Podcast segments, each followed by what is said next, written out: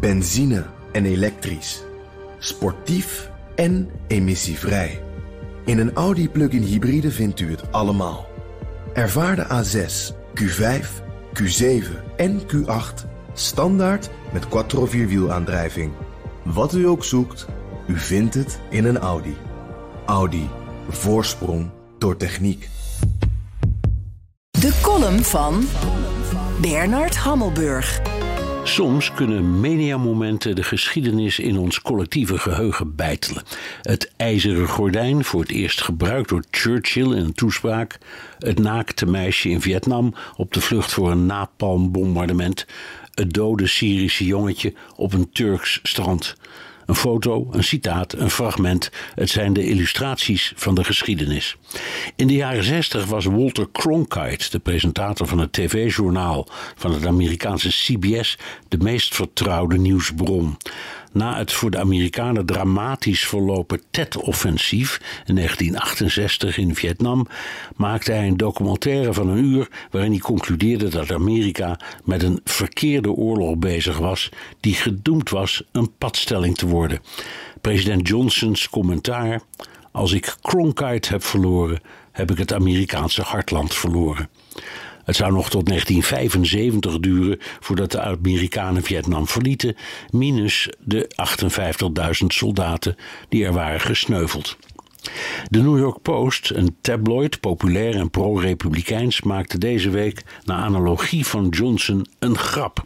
Als Biden Scarborough heeft verloren, Joe Scarborough, voormalig Republikeins congreslid en de lieveling van miljoenen democraten, presenteert op het pro-democratische, pro-Biden kabelnieuwsstation MSNBC het ochtendnieuws.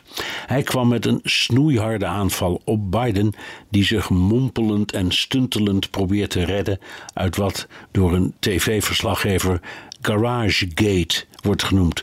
De vondst van vertrouwelijke documenten, eerst op zijn oude kantoor en vervolgens thuis in zijn garage uit de tijd van zijn vicepresidentschap.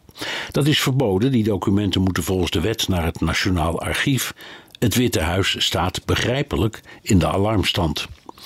Bij Donald Trump thuis zijn zo'n 300 documenten gevonden. Er zijn grote verschillen. Trump bestrijdt de wetmatigheid van de inbeslagname en zegt dat hij het volste recht had om documenten te declassificeren en mee te nemen. Biden werkt volledig mee. Minister van Justitie Garland benoemde, net als in de zaak Trump, een speciale onafhankelijke aanklager en in het kader van de politieke rampenbestrijding opnieuw een door Trump benoemde republikein. Het zal niet helpen. Zoals The Guardian schreef, er is één winnaar bij de ontdekking van de Biden-documenten: Donald Trump.